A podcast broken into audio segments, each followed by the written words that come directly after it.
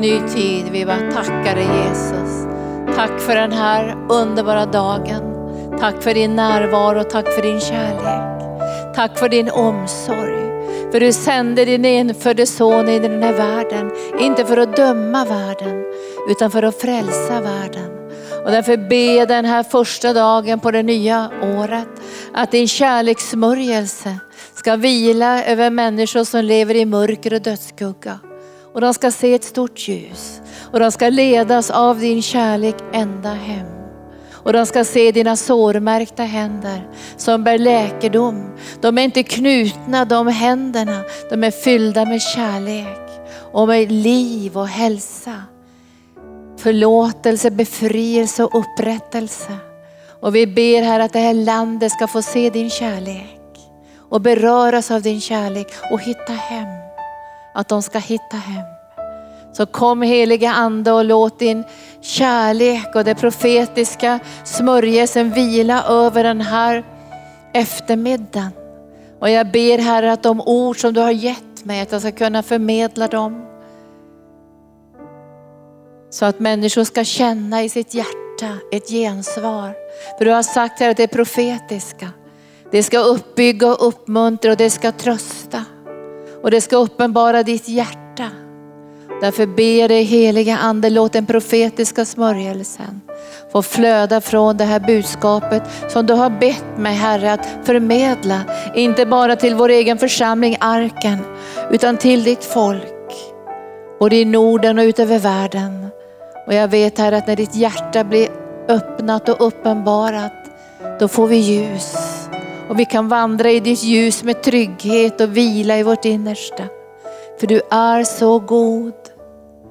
Tack heliga Ande att du är här. Och vi känner en profetisk närvaro för du talar. Du talar tydligt, du talar klart. Du talar liv. Kom heliga Ande. Tack Jesus. Halleluja.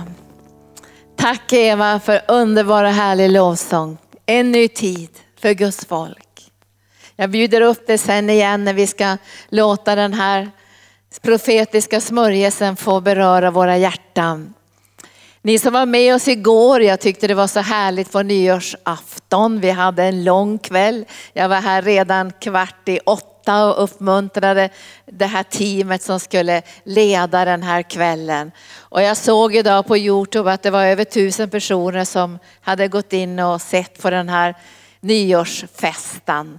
Och jag hoppas att du kände att vi hade en önskan också när vi, när vi planerade det här att, att du som ser oss via nätet skulle känna att det var live. Det var närvaro, det var ingenting som var förinspelat utan att du skulle kunna möta oss så här ansikte mot ansikte fast du inte var här. Och nu har vi förebedjare som sitter i telefonen och bara väntar på att du ska ringa 08 5888 4000 och då, då kan du berätta om du har något behov eller du vill dela något från ditt hjärta eller ett vittnesbörd eller en hälsning så finns de där för dig. Och i slutet av mötet så kommer vi be att eh, du ska kunna våga gå in i en profetisk smörjelse. För när Gud talar profetiskt så säger Bibeln att det är uppmuntran, uppbyggelse och tröst. Många gånger kan vi vara rädda för det profetiska för vi känner kanske Guds hand är knuten, kanske han är arg, kanske han, det är någonting jobbigt som kommer att komma som man liksom hukar sig. Men när det profetiska flödar så talar det om Guds godhet, Guds kärlek, Guds omsorg. Och då kan man pröva det profetiska. Bibeln säger att vi ska pröva allt profetiskt. Men vi ska behålla det som är gott och vi ska hålla oss undan för det som är dåligt och det som är ont. Och sen kan vi också pröva vad som Herren har kärt. Det så här, pröva vad Gud tycker om. Pröva vad, vad Herren älskar. Och sen står det också i, i Romarbrevet kapitel 12 att vi ska pröva vad som är gott och välbehagligt och fullkomligt.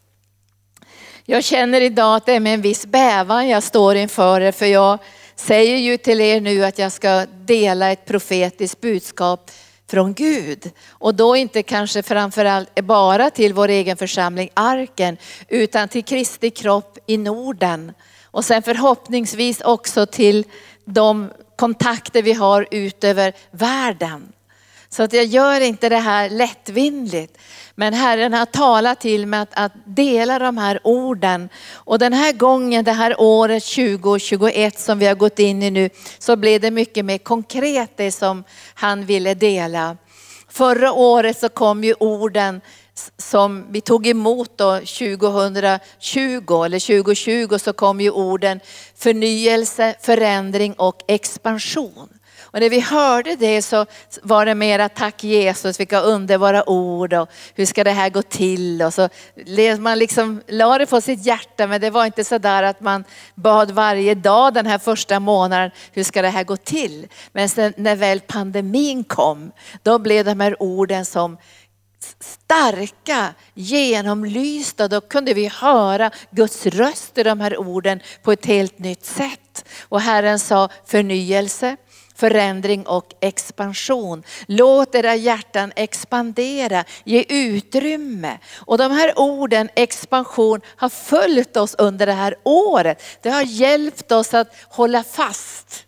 Det har hjälpt oss att ge utrymme för Jesus och vi har ropat och bett till Gud, hur ska vi kunna förmedla din kärlek i bönetjänsten, i allt det du har kallat oss till. Så när vi kände att det, men det var ju så här att många var ju rädda och man, vi fick ju först bara vara 50 och sen blev det bara 8 och många var ju oroliga utöver världen också. Hur ska det här, hur ska vi göra? Men här i arken så brann det där ordet expansion. Och det hjälpte oss också att hålla fast och bereda plats för Jesus. Och vi måste säga idag då att vi är otroligt tacksamma över Guds nåd. Guds kärlek och få känna också att det går inte att göra någonting i egen kraft. Hitta på saker eller försöka få tag på någonting genom att man tittar hur andra gör. För Bibeln säger att ingen kan ta någonting som inte är givet ifrån himlen. Och jag tror, och du tror säkert också tillsammans med mig, att Gud har mängder med saker som han vill förmedla och att det finns en andens ledning från himlen för att vi tillsammans med honom ska få en praktisk vägledning och ett svar när vi står i en utsatt situation. Hur gör vi? Och vi har sett hur Herren har gripit in gång på gång på gång. Och nu ska jag dela med dig det profetord som Gud har gett för 2021. När jag började be under hösten och fråga Herren, vad har du på ditt hjärta? Så kom först bara en enda mening från Gud. Och den meningen var, bryt ny mark. Bryt ny mark. Handlingskraft, inspiration, bryt ny mark. Och det kom gång på gång på gång på gång och så kom det ingenting mer. Och så fick jag be, vad vill du säga med det här Gud? Vad har du på ditt hjärta? Bryt ny mark. Det behövs både verktyg och kraft och inspiration och, och glädje och villighet för att bryta ny mark. Man kan ju vara nöjd med det man har. Man kan ju vara nöjd med den väg som man har gått tillsammans med Gud och tänka, nu är vi nöjda. Men Herren sa bryt ny mark, inta nya områden. Och det kom gång på gång på gång och någon gång under november månad så började Herren öppna ordet. Och jag frågade honom, finns det något bibelställe som du vill ge mig? Och ge oss och förmedla till Kristi kropp. Och Herren sa, slå upp Hosea kapitel 10. Och det var länge sedan jag var i kapitel 10 i Hosea. Men Herren han sa, titta i versen 12. Och jag tittade i versen 12 och så sa han, ni ska så i rättfärdighet. Ni ska skörda med kärlek. Och ni ska bryta ny mark. För det är tid att söka Herren.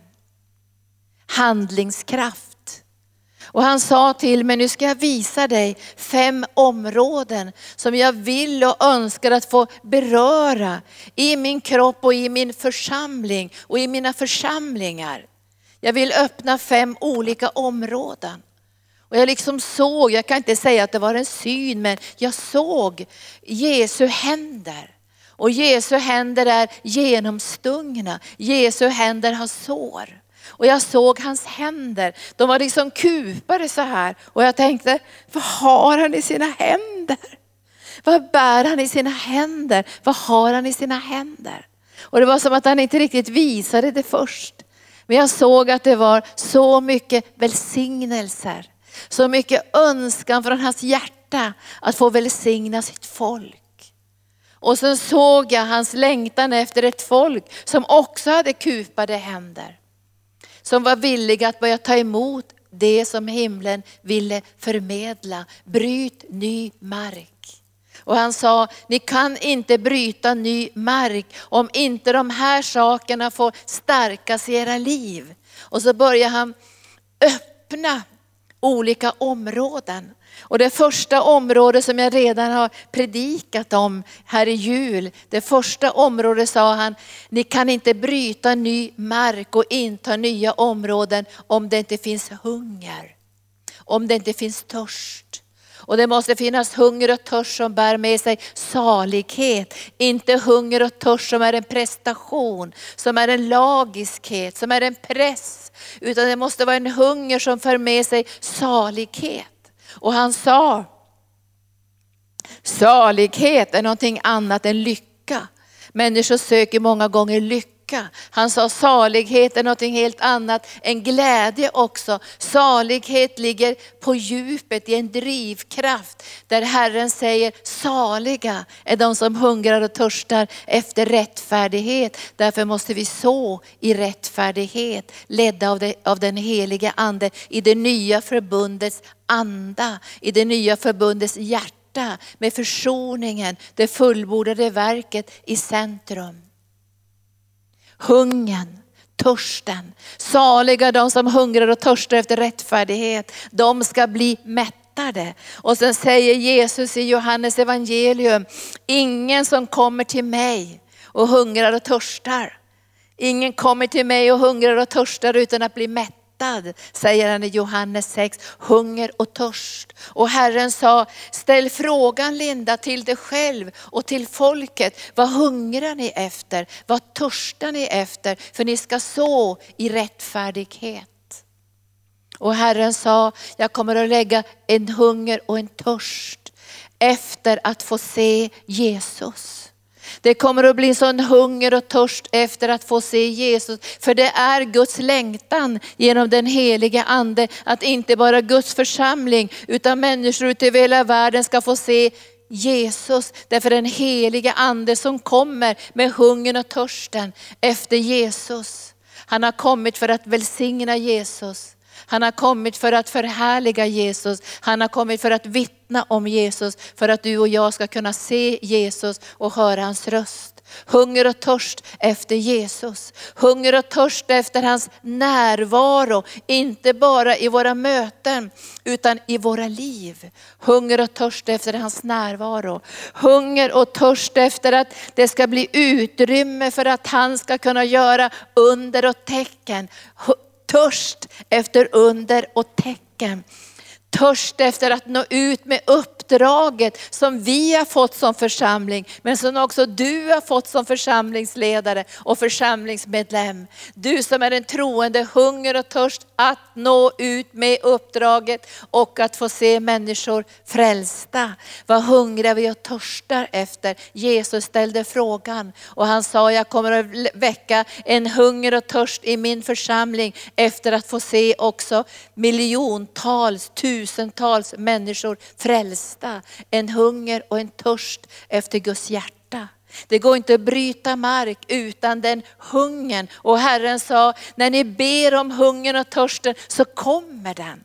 Ni kan be om hunger och törst. Den kommer att komma genom den heliga Ande, för den är förutsättningen för att du och jag ska komma i rörelse och bryta ny mark.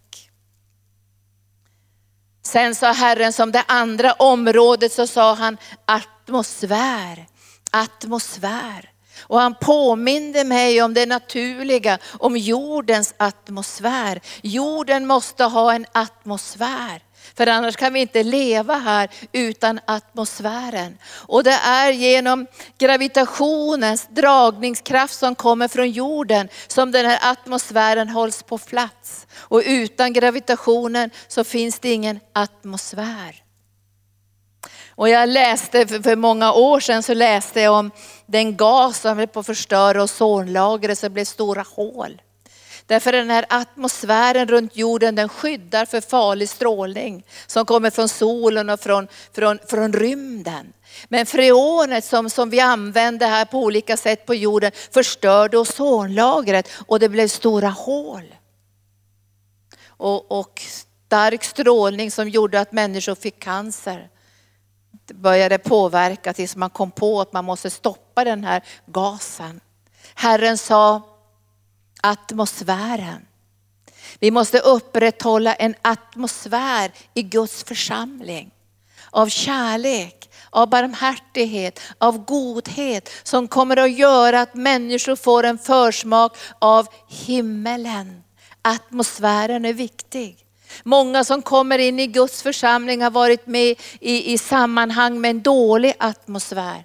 Många har vuxit upp med mycket bråk och våld. Många har varit i krigsområden. Många har varit utsatta för våld och övergrepp av olika slag. Många har kommit, kommit in i Guds församling med stora sår, med stort lidande i sina hjärtan. Och Jesus har kommit för att läka de för, förkrossade hjärtana. Atmosfären är viktig. I Guds församling ska man kunna andas.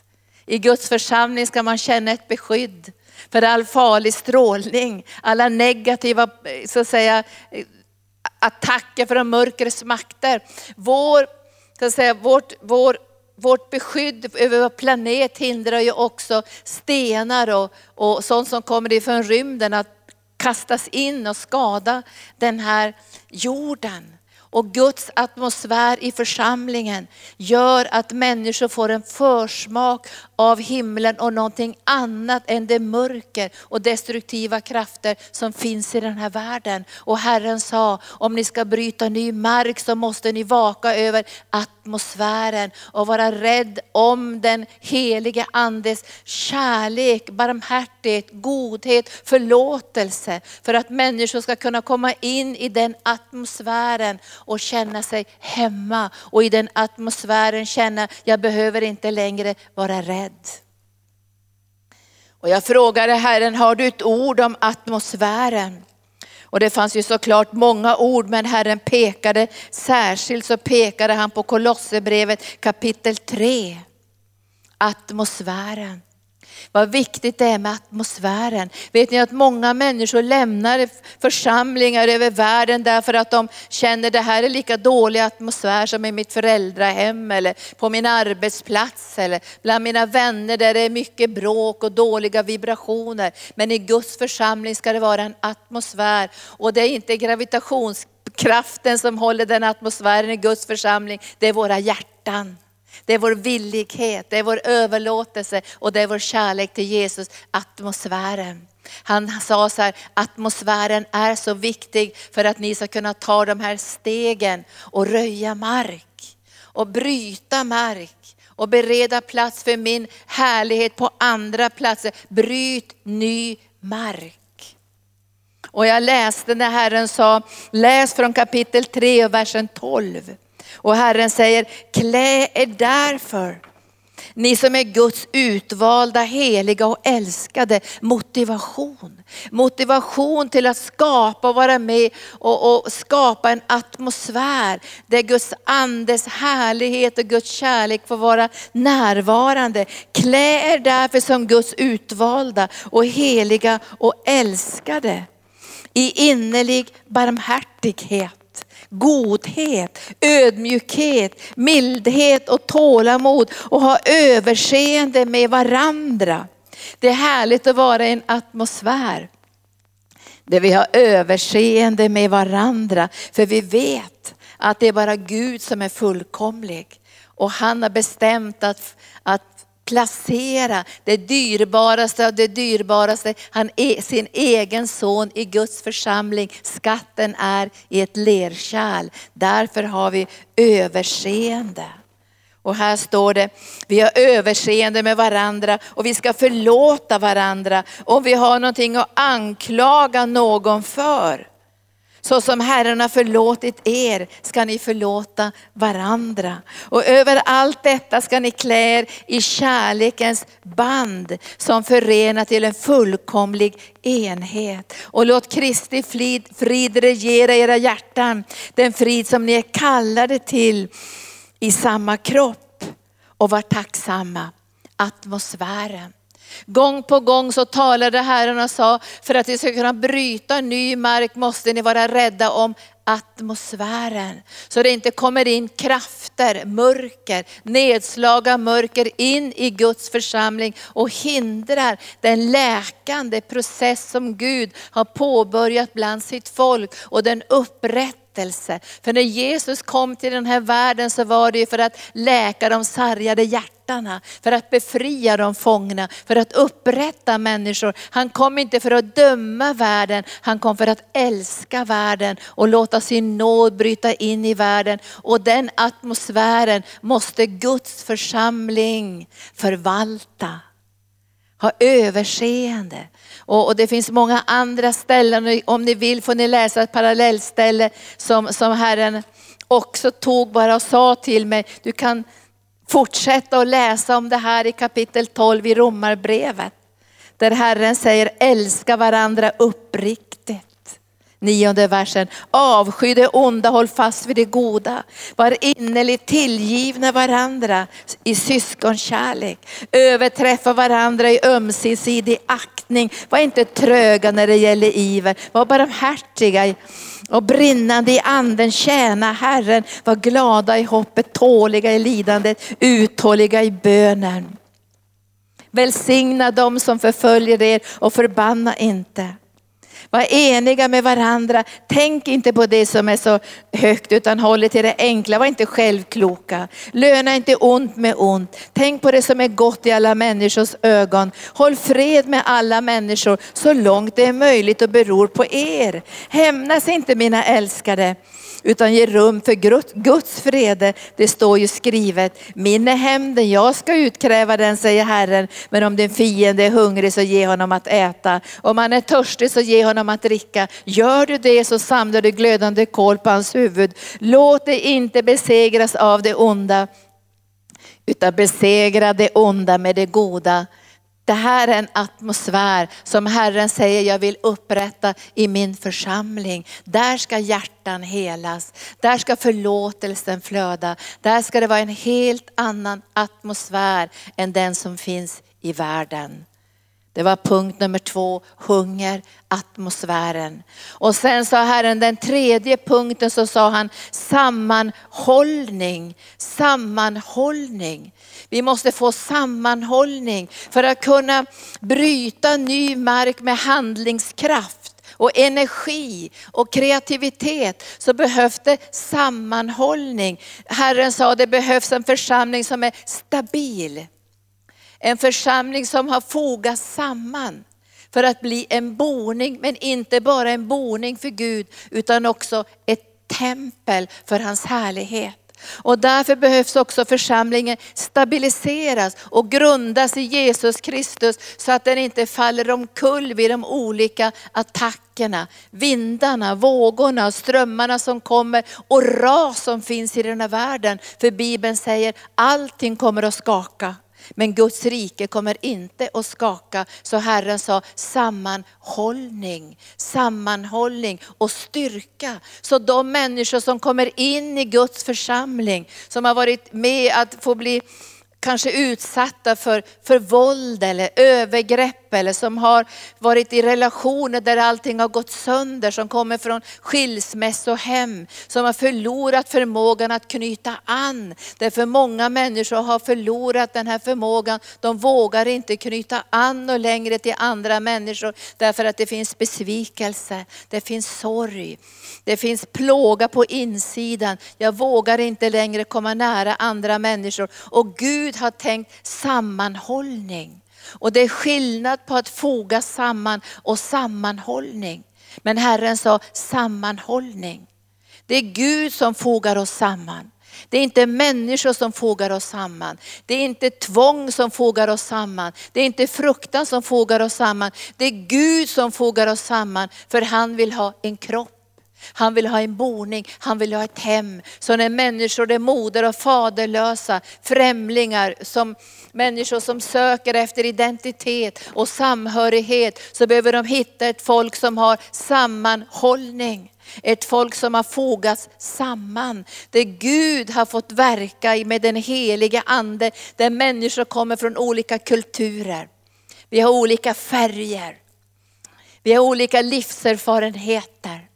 Vi, vi kommer från olika håll, vi är unga, vi är äldre, vi är gamla, vi är tonåringar. Och så kommer den heliga ande och fogar oss samman så var och en hittar sin plats. För att vi ska kunna bryta ny mark så måste vi arbeta tillsammans med Jesus för att få den här sammanfogande sammanhållningen. Sammanfogandet gör den helige ande, men sammanhållningen den kan bara Jesus hjälpa oss med så vi bidrar med det som vi har fått ifrån Gud för att göra det här starkt. Så människor ska känna, här är ett folk som inte bara sticker iväg när det blir lite problem. Därför det står i Bibeln att om vargen kommer så kommer de lejda att inte vara där. Utan människor måste få känna, här finns det stabilitet, här finns det styrka, här finns det överlåtelse. Här vågar jag överlåta mitt liv för ett högre syfte.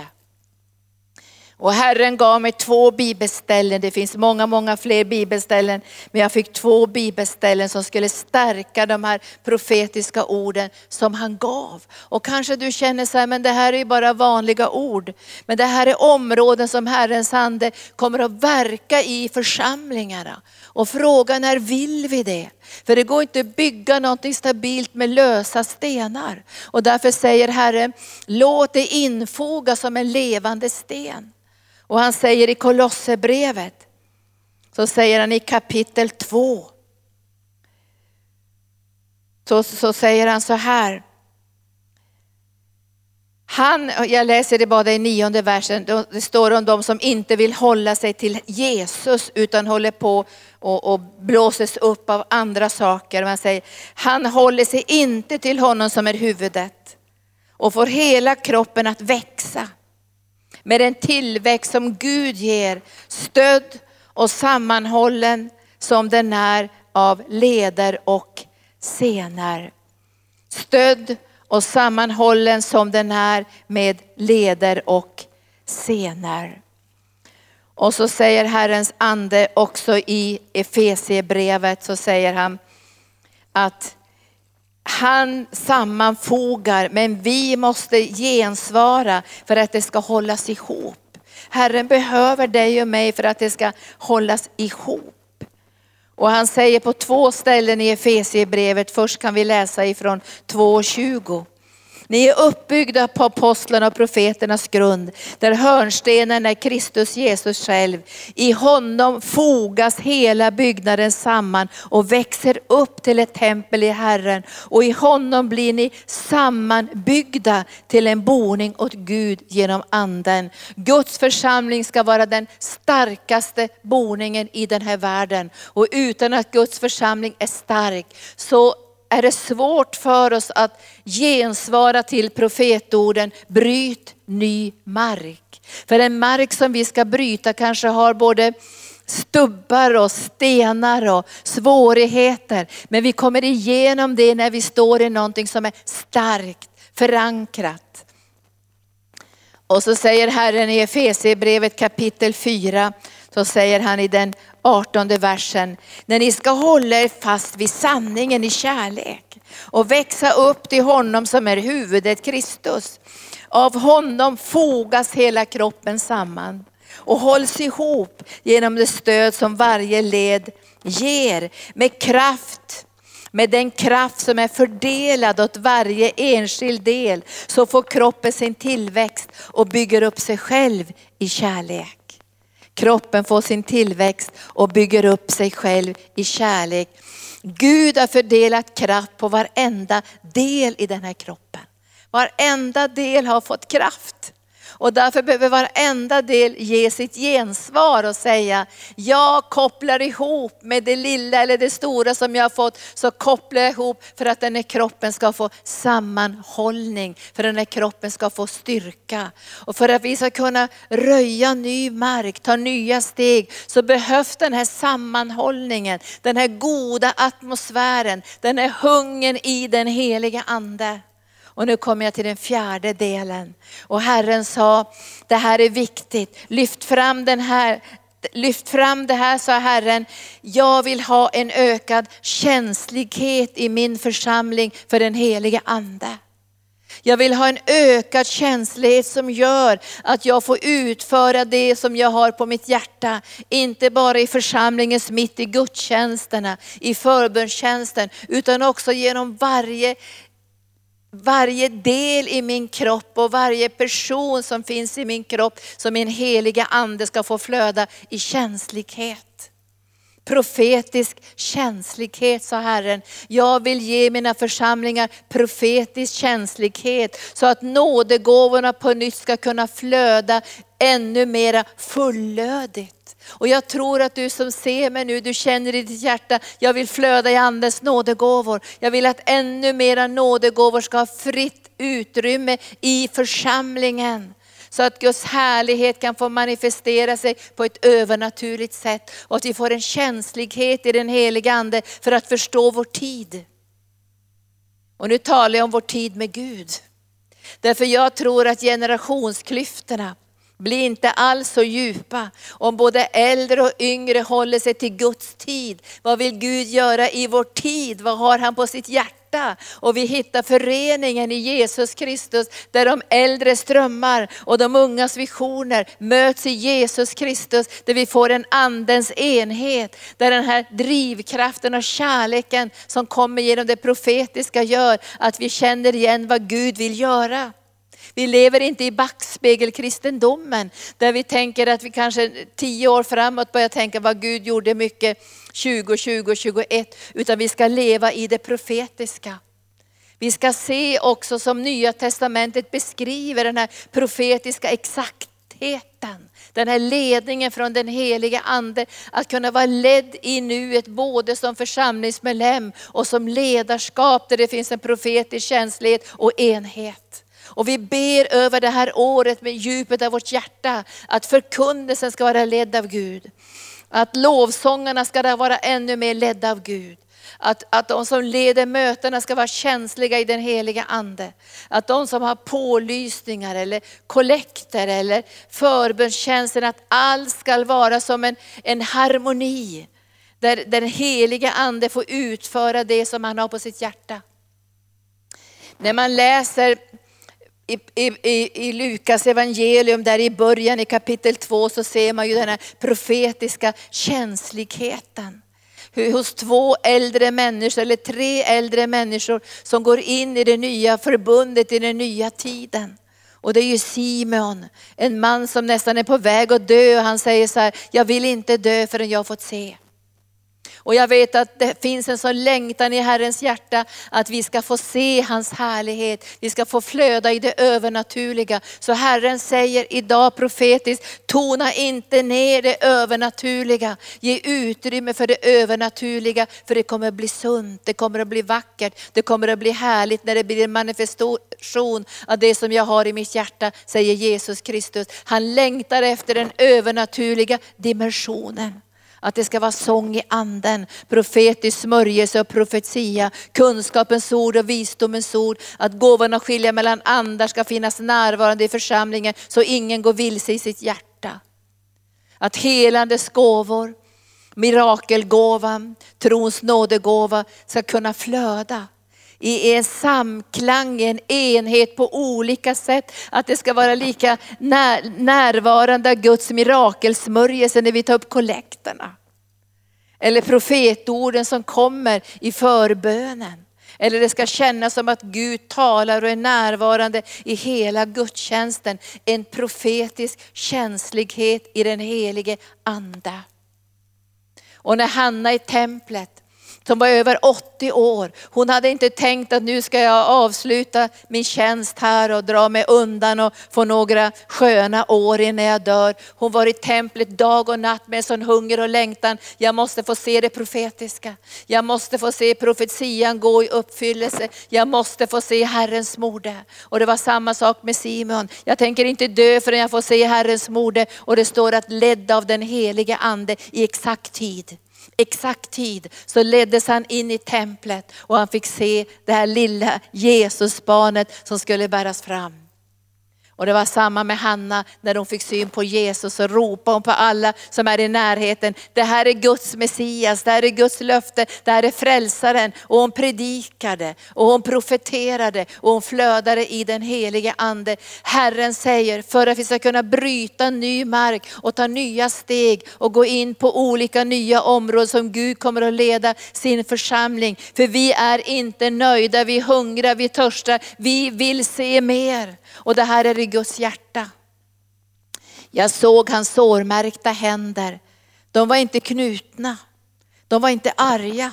De var fyllda med kärlek, de var fyllda med barmhärtighet, de var fyllda med drömmar, de var fyllda med kreativitet. Och Herren sa, jag önskar att mitt folk ska få, ta, få tag i denna hunger och denna törst och kraften att röja ny mark. Och den femte punkten som Herren lyfte fram var bönen. Det är tid att söka Herren. Det är tid att söka Herren. Läste vi Hosea kapitel 10. Det är tid att söka Herren. Det är klart att vi alltid söker Herren. Jag vet att många av er är med i bönerörelser och vi ber och vi ropar till Gud och vi ber för, för människors frälsning och vi ber för missioner och vi ber för olika saker. Men Herren sa att han kommer att öka den profetiska känsligheten i bönen för att vara ledd av Guds ande på ett praktiskt sätt för att kunna bryta den här marken. Och han sa så här, ingen kan ta någonting som står i Johannes evangelium kapitel 3, vers 27, som inte kommer ifrån himlen. Men Herren sa, det finns så mycket mer som jag vill ge. Och jag vill att ni ska få del av en övernaturlig smörjelse och vägledning hur ni ska bryta den här marken. Det ska inte bara vara mänskliga tankar. Det ska inte vara något ni har läst i en bok. Det inte ska vara något som ni har härmat från en annan församling eller tagit del i lånta fjädrar. Jag vill leda er genom den helige ande och bönen. Och för arkens del så kommer varje avdelning här i arken att få en inspiration till att bryta ny mark inom sitt område. Ny mark, mark som vi inte har gått på förut. Mark som vi inte har beträtt förut. Därför det finns en hunger. Och jag hörde igår när på nyårsafton så bara hörde jag Herren sa så här, det kommer att bli en sån hunger, en sån längtan. Så det blir som Elisa när han säger till Elia som hade en sån smörjelse. Han som bombarderade kan man säga i den heliga ande alla Balsprofeter, hundratals Balprofeter och fick se Herrens eld på altaret. Så säger den unga Elisa, jag är inte nöjd. Jag vill ha en dubbel smörjelse av det du har. Jag vill ha mer. Och den den ska säga elden, den längtan behöver en andens vägledning och en praktisk kontakt med den helige ande så att lederna och scenerna finns på plats. För det här handlar inte om att man bara ska hitta på en massa saker och ta steg som inte håller, utan det måste finnas en andens praktiska vägledning och den kommer vi att få. Och här i arken kommer varje avdelning att inspireras att be en halvtimme varje dag för att få ledning från Gud. För att kunna få tag på det som kommer ifrån himlen. Och då måste man vaska guld. För mycket kommer från ens eget hjärta. Mycket kommer från mänskliga idéer, mycket kommer från livserfarenhet. Men Herren säger, jag vill ge guld från himlen. Jag vill ge vägledning genom bönen från himlen för praktisk handlingskraft. När jag var ung så var jag många gånger i olika bönegrupper. Vi var mycket, jag var ju med i en bönegruppsrörelse och det var mycket bön i de här bönegrupperna. Och jag kommer ihåg också att det var mycket profetiska ord och tilltal som kom och vad Herren ville göra. Och han, man kunde, någon kunde säga så säger Herren, jag vill det här och det här. Och, och Herren uppmuntrade och, och så bad man kring det här och så ropar man till Gud. Och jag kommer ihåg en kväll när jag gick hem från ett sånt där bönemöte så tänkte jag så här, finns det någon som tar emot det här i sitt hjärta för att omsätta det praktiskt? Finns det någon som är ledd av Guds ande så vi får en praktisk tillämpning av allt det här som vi har hört? För att det står ju i Bibeln att när man hör Guds ord så är det som honung i munnen. Men det måste ner i den andliga buken och omsättas. Och Herren sa, den femte delen i de ord som jag vill ge mitt folk är, ni kommer att få en praktisk andlig vägledning i den helige ande. Hur ni steg för steg ska förverkliga det jag talar 2021. Bryt ny mark. Bryt ny mark. Så i rättfärdighet. Skörda i kärlek. Det är tid att söka Herren. Och vi kommer att söka Herren för en praktisk vägledning. Vilka områden vill han att vi ska röja? För ibland när man tänker på att bryta ny mark så tänker man att det ska gå så lätt som möjligt. Och ni vet ju att, att Josef hade, han hade ju, ni vet att Josef hade två söner, Efraim och Manasse. Och Efraim betyder ju att Gud, det betyder ungefär så här, Gud har gjort mig fruktsam i mitt lidandes land. Och Manasse betyder att jag har glömt min olycka och allt det här som har hänt i mitt liv. Utan nu vill jag vara fruktsam i mitt lidandes land. Och det hände någonting i Manasse och Efraim. Det hände någonting i det folket, i Josefs folk. Och, och de var inte nöjda. När, när Joshua skulle dela ut landet till, till de här olika stammarna så sa han till Efraim och Manasse, ni ska få den här delen. Den här, ni, eran stam ska få den här delen. Men de sa till Joshua, vi är inte nöjda. Vi är inte nöjda, vi vill ha mer. Och Herren säger att den här hungern kommer att komma. Jag vill ha mer. Vi är inte nöjda om vi ser hundra människor frälsta. Vi vill se tusen människor frälsta. Och när vi ser tusen människor frälsta, vi vill se tiotusen människor frälsta. För vi är inte nöjda, vi vill ha mer. Och Joshua han säger till, till, till Josefs stam att det är klart att du ska ha mer, men du måste röja. Du måste röja. Och kan hända Josefs stam tänkte så här, om jag ska få något lätt område att röja. Och då säger, så säger Joshua, du ska få en bergsbygd och en skogsbygd. Och så säger, säger de så här, nej men det är ju jättejobbigt där för det finns ju mycket fiender. Herren säger idag att den mark som vi kommer att bryta har fienden sagt att det är hans. Han har ställt sina fötter där på mark som han inte äger. Den marken ska beträdas av Guds församling. Den marken ska beträdas av Guds soldater. Den marken ska beträdas av dem som har ställt sig till Herrens förfogande för att tjäna honom. Och profetorden kommer och jag lägger dem i ditt hjärta nu. Jag lägger dem i ditt hjärta. Jag kommer att dela mera eh, den, tredje och se vad Herren säger. Men jag måste säga så här, Herrens ord som kom var bryt ny mark. Och hur det här ska gå till och på vilket sätt det här ska göras, det vet inte jag idag. Men jag vet att utan hunger kan vi inte göra det här.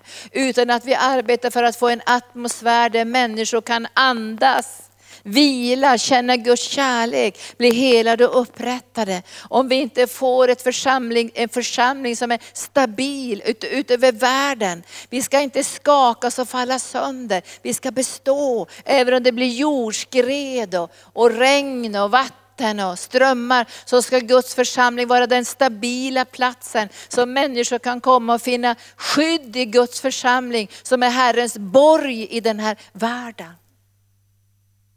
Guds församling behöver sammanhållning och sammanslutning, den här styrkan.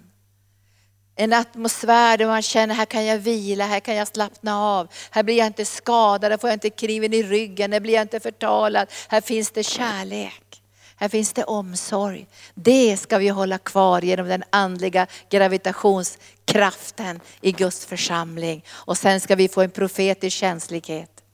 Det är inte nödvändigt alla gånger att känna den här tiden 2021. Att ta reda på vad håller folk på med och vad har de för intressen och vad finns det för musik i den här tiden. Det kanske inte är det som är det viktigaste utan vad vill Gud göra? Vad är hans tid nu? När tiden är inne så finns det en profetisk tydlighet och klarhet och vi ska känna igen Guds tid, Guds initiativ. Och sen ska bönen bli en praktisk tillämpning där Gud ska leda oss på ett praktiskt sätt. Hur håller vi i plogen? Vilka steg tar vi? Hur röjer vi undan? Undan stenarna? Hur, hur tar vi tur med mörkrets makter som har ställt sig på den plats som tillhör Gud?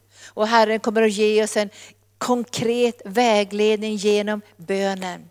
Och vi kommer att tala mer till vår egen församling hur varje avdelning kommer att få instruktioner från den helige ande hur vi bryter ny mark ledda av den helige ande. Och vi ska lära oss genom Guds välsignelse och Guds vägledning att få tag på det som kommer från himlen.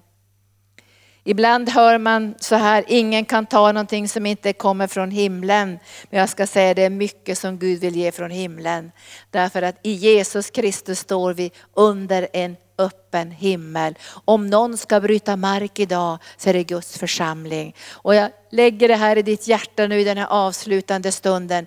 Profetorden för 2021 är bryt ny mark. Så i rättfärdighet, skörda i kärlek. För nu är det tid att söka Herren.